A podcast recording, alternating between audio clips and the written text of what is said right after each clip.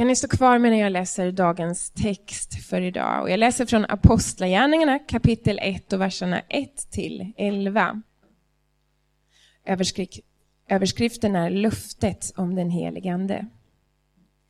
I min förra skrift, Käre Teofilus, skrev jag om allt som Jesus gjorde och lärde fram till den dag han togs upp till himlen, efter att han gett sina befallningar genom den helige Ande till de apostlar som han hade utvalt. Han visade sig för dem efter sitt lidande och gav dem många bevis på att han levde, när han under 40 dagar lät dem se honom och talade med dem om Guds rike. Vid en måltid med apostlarna, apostlarna befallde han dem Lämna inte Jerusalem, utan vänta på vad Fadern har lovat, det ni har hört av mig. Johannes döpte med vatten, men ni ska om några dagar bli döpta i den helige Ande. När de nu var samlade frågade de honom, Herre, är tiden nu inne då du ska återupprätta riket åt Israel? Han svarade dem, det är inte er sak att veta vilka tider eller stunder som Fadern i sin makt har bestämt men när den helige Ande kommer över er, då ska ni få kraft och bli mina vittnen i Jerusalem, i hela Judeen och Samarien och ända till jordens yttersta gräns. Och när han hade sagt detta, då såg de hur han lyftes upp och ett moln tog honom ur deras åsyn. Och medan de såg mot himlen dit han steg upp, stod plötsligt två änglar, två män i vita kläder, hos dem, och de sa Galileer, varför står ni och ser mot himlen? Denna Jesus som togs upp från er till himlen, han ska komma tillbaka på samma sätt som ni såg honom stiga upp till himlen. Det var Guds ord till oss idag. Varsågoda och sitt. Tack för det. Kristi himmelsfärd. Vare sig man vill eller inte, vare sig man är sekulär svensk eller inte, så är det en röd dag i Sverige också. Ehm, och precis den här dagen talar om hur Jesus lyftes upp till himlen och sitter på Gud Faderns högra sida och att han ska komma tillbaka en dag. Det är vad Kristi himmelsfärd handlar om. Som vi hade i torsdags, Kristi flygare. Eh, och vi ska komma tillbaka till det, eller hela den här predikan kommer handla om, om det. Och det är så lätt sådär, vi har fokus på, och det är mycket uppståndelse kring julen, Jesu födelse och påsken, Jesu död och uppståndelse. Men jag vågar säga att Kristi himmelsfärd är också enormt viktig. Alltså, jag ska komma in ganska mycket på var, varför. Och Lukas, evangelisten Lukas, kommer in på och, och talar om Kristi uppstigande, eller hans himmelsfärd. Och egentligen så är ju inte fokuset på himmelsfärden, utan fokuset är ju på destinationen, på dit han tar sig.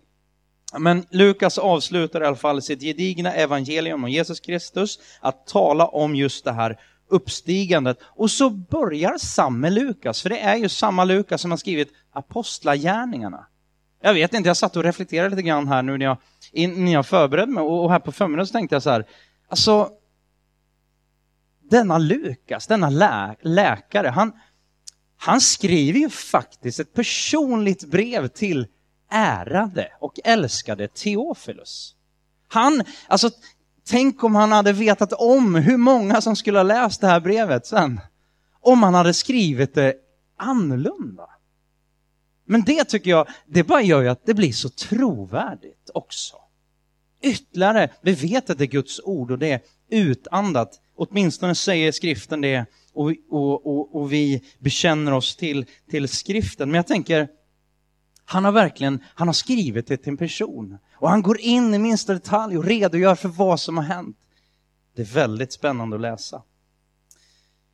Och han skriver om det här uppstigandet, han avslutar sitt evangelium, han börjar sitt brev. Så uppenbarligen betyder det här uppstigandet en hel del för Lukas vi måste titta på varför. Det är så lätt för oss att vi hamnar i analysen om vad som hände. Jag undrar om de såg fotsulorna på honom. Var det snett från sidan eller liksom hur gick det till? Det tycks inte vara fokuset för skriften och fokuset för Bibeln, utan poängen är ju varför gör han det här? Och vad innebär det? För dem, för apostlarna, men också för oss. Gud sitter, eller Jesus sitter nu, han återgår, återtar sin rättmätiga plats vid Faderns högra sida. Och det står att han ber för oss. Det är oerhört uppmuntrande att veta om att han ber för oss. Jag brukar ställa frågan, tror ni att han får bönesvar? Det tror jag. Vad handlar då det här om? Vad handlar det här uppstigandet om? Det är ju en viktig del i Guds försoningsplan. Försoningen, ett sånt där ja, men riktigt kristet ord måste man ändå säga. Eh, försonas, kanske inte riktigt lika kristet på det sättet, men, men försoningen och försoningsplanen, ja men det är ju i väldigt, väldigt korta ordalag då. Gud, han sänder sin enfödde son Jesus Kristus Gud inkarnerad och han kommer ner och blir människa. Han kommer ner, eh, för han ser att det står eländigt ställt till med, med skapelsen och människan, hans älskade skapelse. Jesus Kristus, Gud inkarnerad, kommer ner och lever liv till 100% som människa. 100% Gud, men också 100% människa samtidigt. Svårt att förklara, går inte att förklara rent mentalt, intellektuellt, men så var det. Under sina tre sista år så visar han stundtals sin sanna identitet. Men det är inte bara lätt, det kunde inte bara vara lätt att hänga runt Jesus. Vem är den här, vem är den här karln? Han är ju uppenbarligen människa, han blir trött, han blir slut, han blir irriterad, han, han, han eh, allt det där. Men ändå märker vi att han inte bara det, det är så mycket mer. Jesus Kristus låter sig tillfångatas, han lider och dör på korset. Han dör för våra synders skull och han uppstår tre dagar senare, på söndagen. Han uppstår och hans död blev inte en stor förlust utan det blev en stor, stor seger. Och Gud har försonat världen med sig själv genom Jesus Kristus. Och det är, det är fantastiskt och det är unikt eh, på det sättet. Alla andra teorier, religioner, vad man nu ska, ideologier, där handlar det om människan, vad vi kan göra för en Gud, någon mästare, någon annanstans. Men här handlar allt om vad Gud har gjort för oss. Han kommer, han uppstår och, och så spenderar han de här 40 berömda dagarna efter sin uppståndelse. Han spenderar de här alltså 40 dagar. Så man kan ju tänka sig lärjungarna som, som är med om detta fruktansvärda, att bli av med sin bästa vän, sin mästare, sin lärare, sin, sin herre och, och, och Gud. Han dör på ett kors fullständigt förkrossade. Och så uppstår han fullständigt makalöst för dem. Och sen går det 40 dagar och de tänker nog, vi visste. Det skulle hända det vi trodde hela tiden. Jesus kommer ta över. Jag tänker att de ändå trodde det. Han kommer ta över världen så som vi tänker. Och kejsar Caesar kommer han slänga bort och så kommer han sätta sig på tronen och guess what? Vi kommer sitta precis bredvid honom. Men det är ju inte det som händer. Återigen så säger han att jag ska lämna er och till råga på allt säger han det är bättre att jag lämnar er än att jag är kvar. Och så försvinner han igen. Och då står vi och vi möter lärjungarna där. De står och blickar upp. Ehm, men innan vi kommer dit, vad är syftet med att hela den här inte själva himmelsfärden utan destinationen. Och det är väl ungefär som att om Jesus inte hade for, farit åter till himlen, det är ungefär lika spännande som att om någon hade köpt en stor eh, bit mark och byggt ett stort fantastiskt hus med allt som du kan tänka dig, eh, inredning och så vidare, och så är det ingen som flyttar in.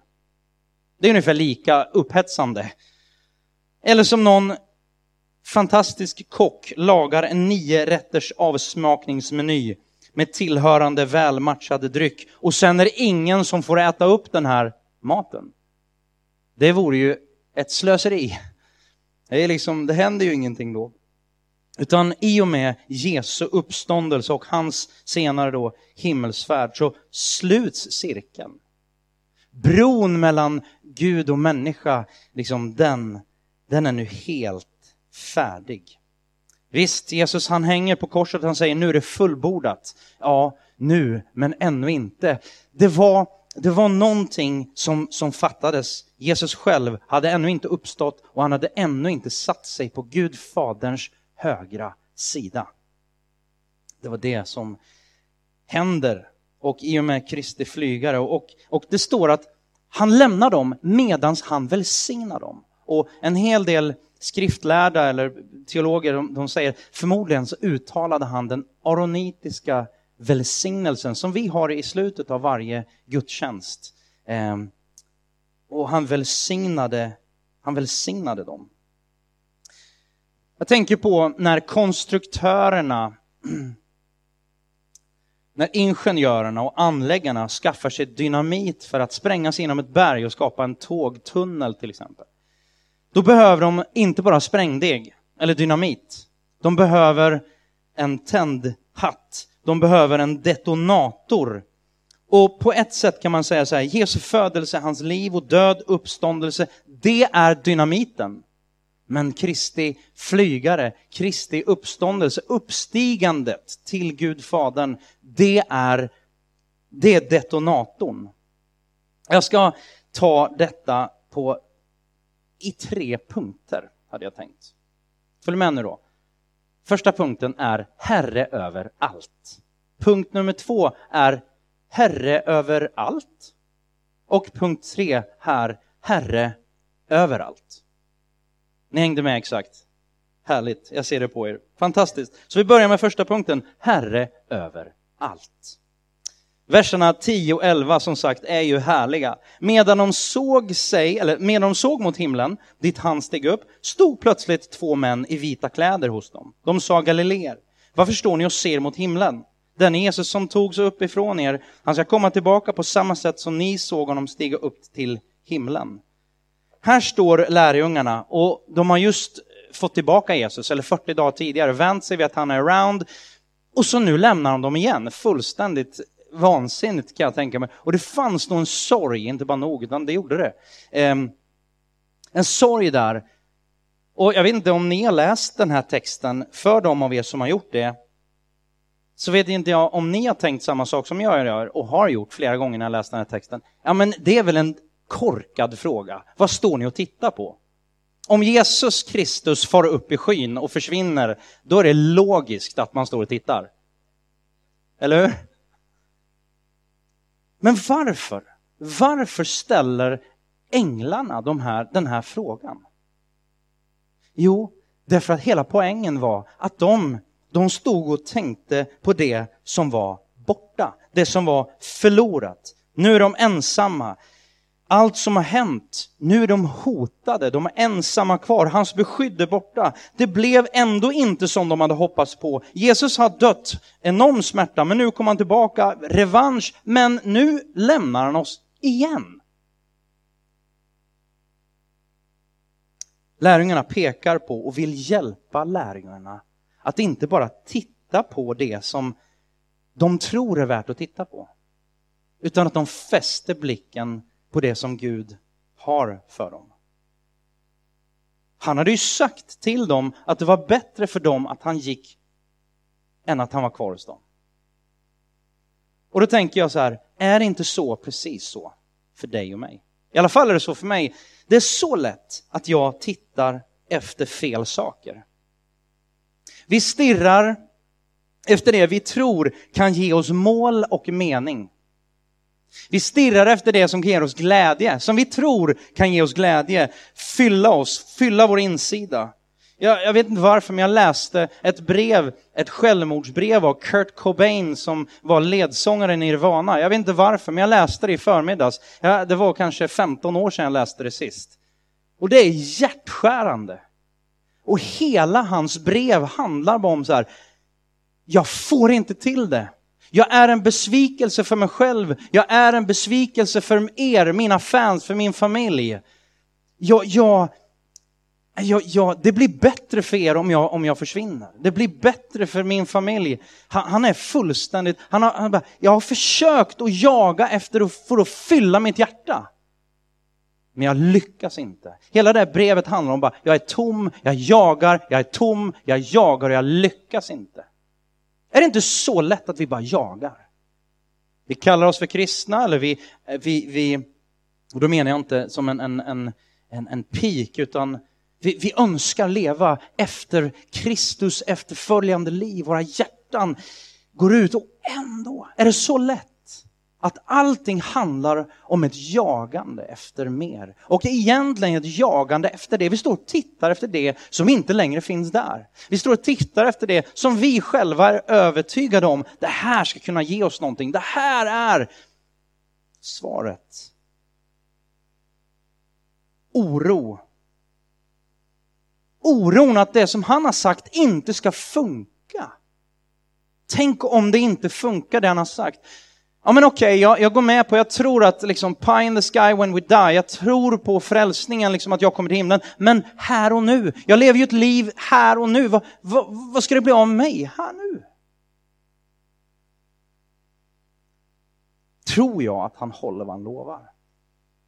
Tänk om hans plan för mitt liv inte är riktigt lika bra som min egen plan. Jag vet inte om du kan känna igen dig i det, men det är inte helt ovanliga tankar för mig. Jag är väldigt glad för sista verserna i Lukas evangelium som talar om precis vad som händer efter Jesu uppstigande. Lukas 24, 51-53. Och medan han välsignade dem, där har vi det igen, lämnade han dem och lyftes upp till himlen. De tillbad honom och vände tillbaka till Jerusalem i stor glädje.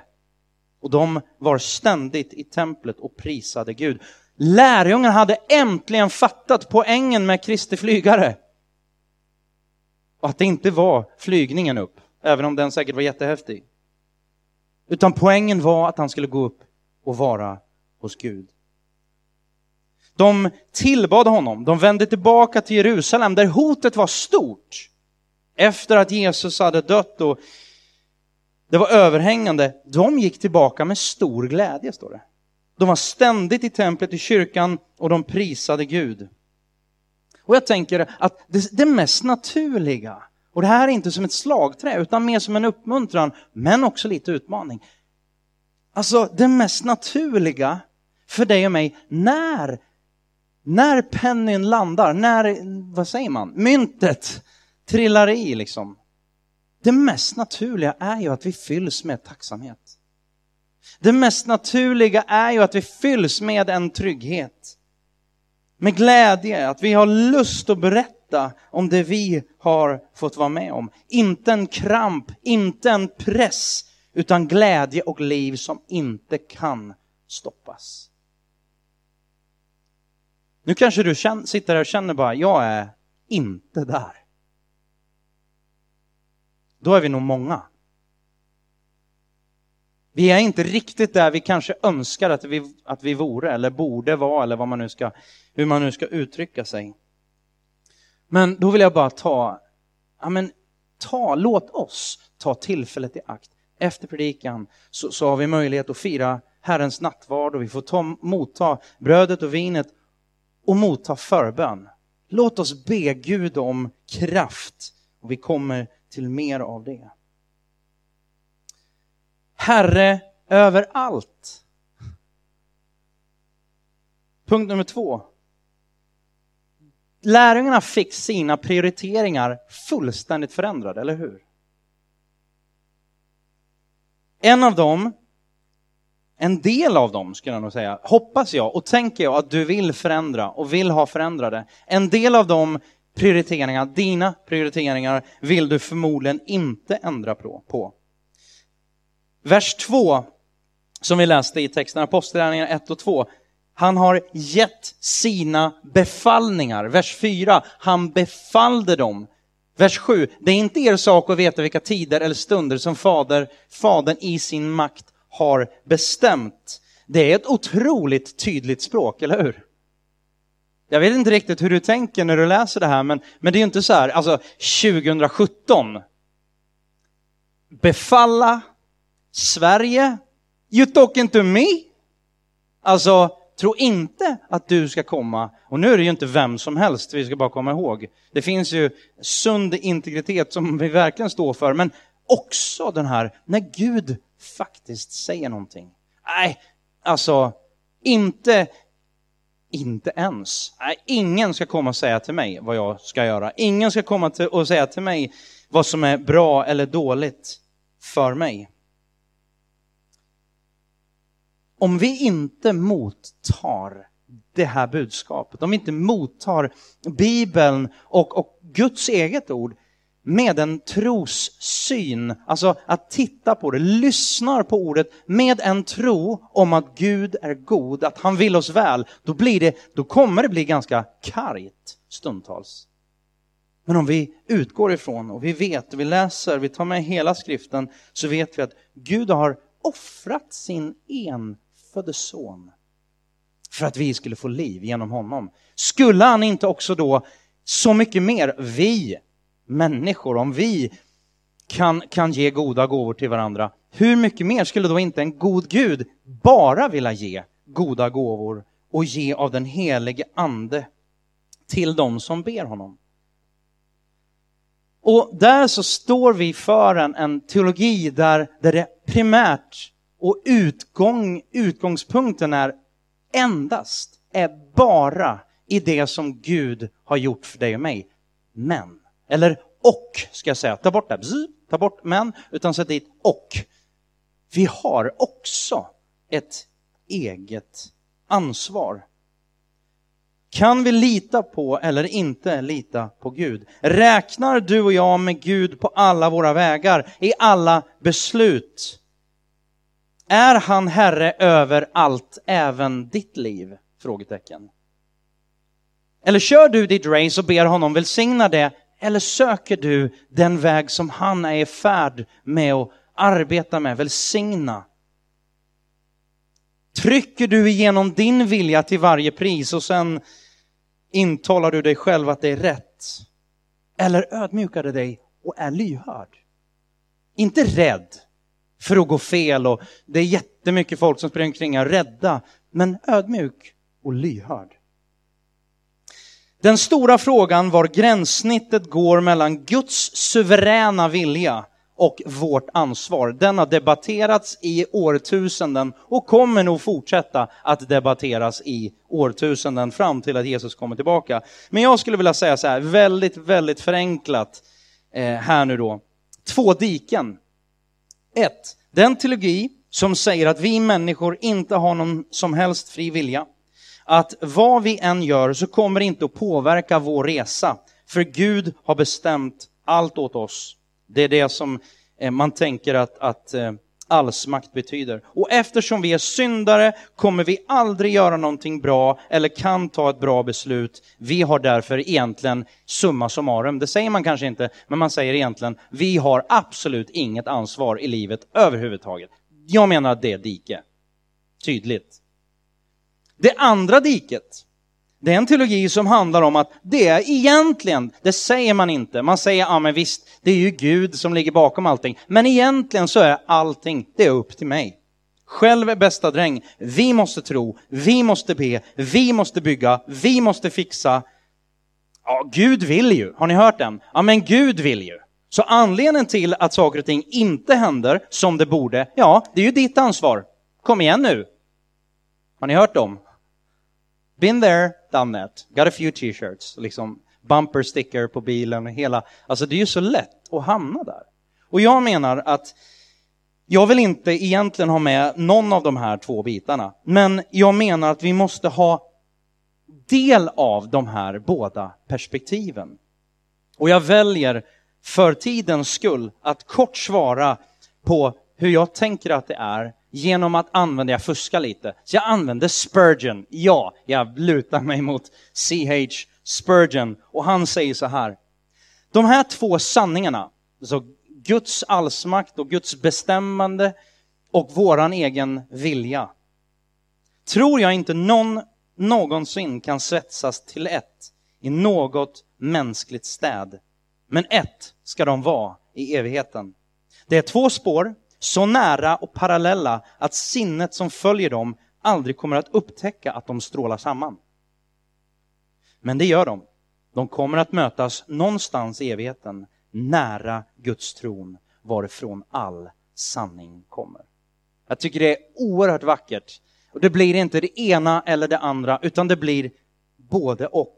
Och på ett sätt lite motsägelsefullt. Och vi får helt enkelt bara leva med det mysteriet. Jesu himmelsfärd innebär ett löfte om återförening. Så även om vi inte vet exakt när, och vi, vi blir ju liksom tillsammans med lärjungarna, vi får ju en liten knäpp på näsan av Gud. Det är inte er sak att veta, säger de här änglarna. Det är inte er sak att veta. Um, han kopplar samman himmel och jord. Sista punkten, Herre överallt. Visst är det stor skillnad på de här olika punkterna i uttal. Jag försöker så gott jag kan. Jesu himmelsfärd, hans uppstigande är som sagt inte tidpunkten där jorden gick miste om hans ledarskap. Hans eh, intimitet, eller intimitet med honom och hans mirakelskapande kraft. Även om det förmodligen var det första som lärjungarna tänkte och upplevde. Det var istället i och med Jesu uppstigande som allt det här kunde frigöras i full kraft. Det var det som var poängen.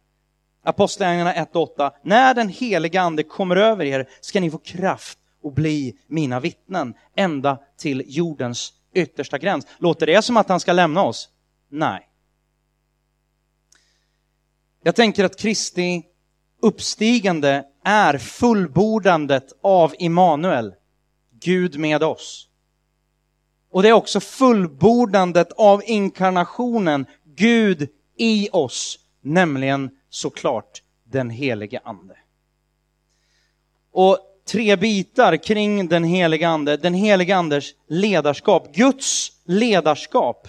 Väldigt många företag betalar dyra pengar för konsulter. Är det någon som är konsult här? Förstå sig påare, konsult Andreas. IT-konsult som bara kan allting. Har man problem med IT så ringer man Andreas. Jag gör det i alla fall. Även på jobbet faktiskt. Det är fantastiskt. Ehm, och det blir dyrt. Det är fantastiskt att det står i profeten Jesaja kapitel 9, vers 6. Jag läser från 1917, för den är, ja, den är lite tyngre, den är lite äldre. Så här. If it was good enough for, for eh, Jesus, it was good enough for me. Eller var det någon som sa? Okej. Okay. Ty, ett barn varder, underbar svenska, oss fött. En son bliver oss given och på hans skuldror var, äh, eh, skall herre, herre, herradömet vila och hans namn ska vara underbar i råd, väldig Gud, evig fader, frids förste. Det här uttrycket underbar i råd. Tänk att ha en rådgivare. Och tänk att förstå att Gud, den helige ande som bor i oss, han är underbar i råd. Hur ofta ber du honom om råd? Ibland kanske du är lite rädda för att be honom om råd, för att vi tänker att han kanske inte vill det jag vill. Jag vill ju någonting annat, men då får vi lita på att hans råd och hans vilja, han har koll på det mesta. Det var ett understatement. Psalm 23, Herren är min herde, hans ledarskap, Guds ledarskap Mig skall intet fattas. Han låter mig vila på gröna ängar, han för mig till vatten där jag finner ro. Han ger mig liv, han ger liv åt min själ, han leder mig på rätta vägar för sitt namns skull. Även om jag vandrar i dödsskuggans dal fruktar jag intet ont, för du är med mig, din käpp och stav tröstar mig. Jag tror att Gud vill att du ska ha förtroende för honom och hans ledarskap. Gud den helige ande kommer också med kraft och auktoritet. Jag tänker att när upplever vi att vi kör fast?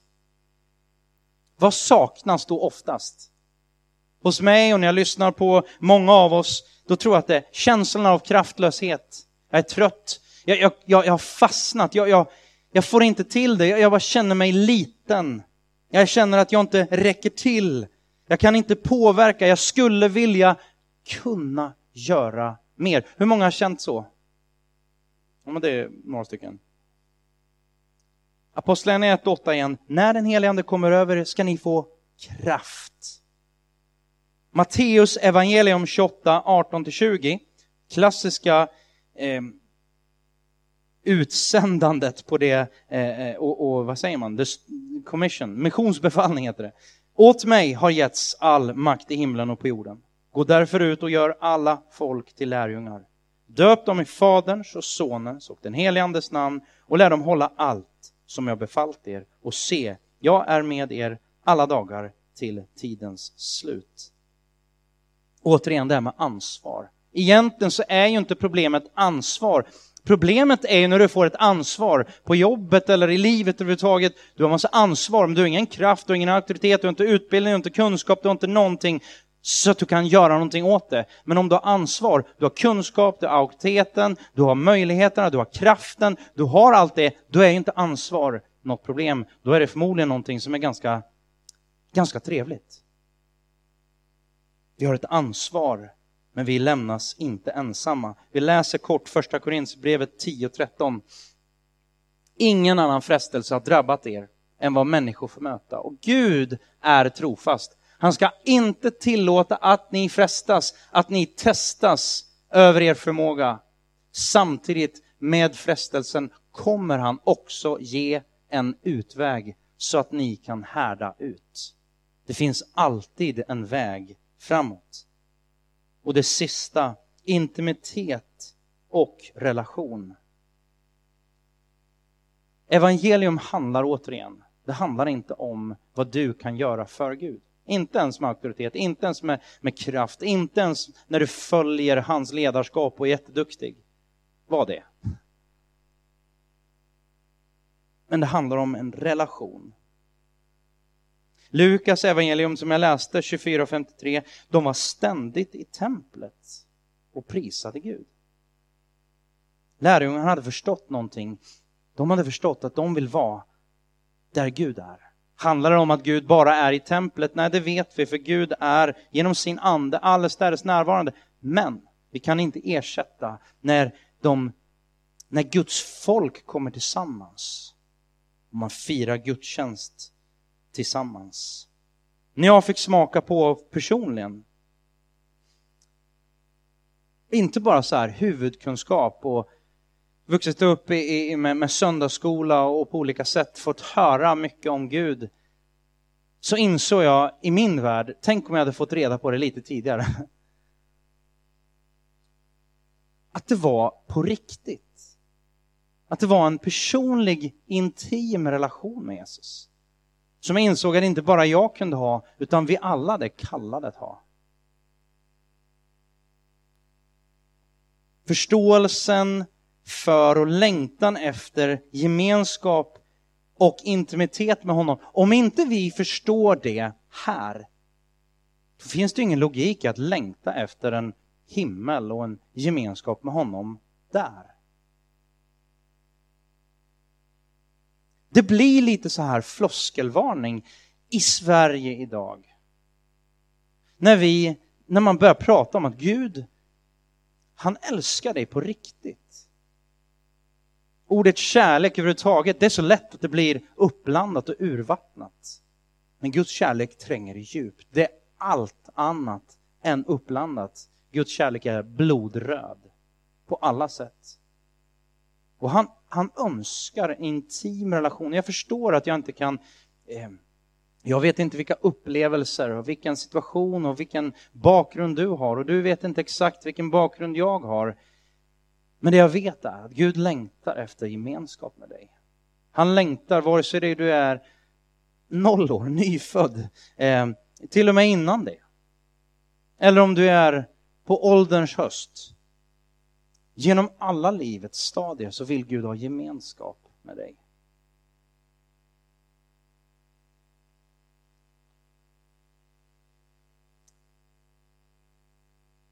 Gud med oss.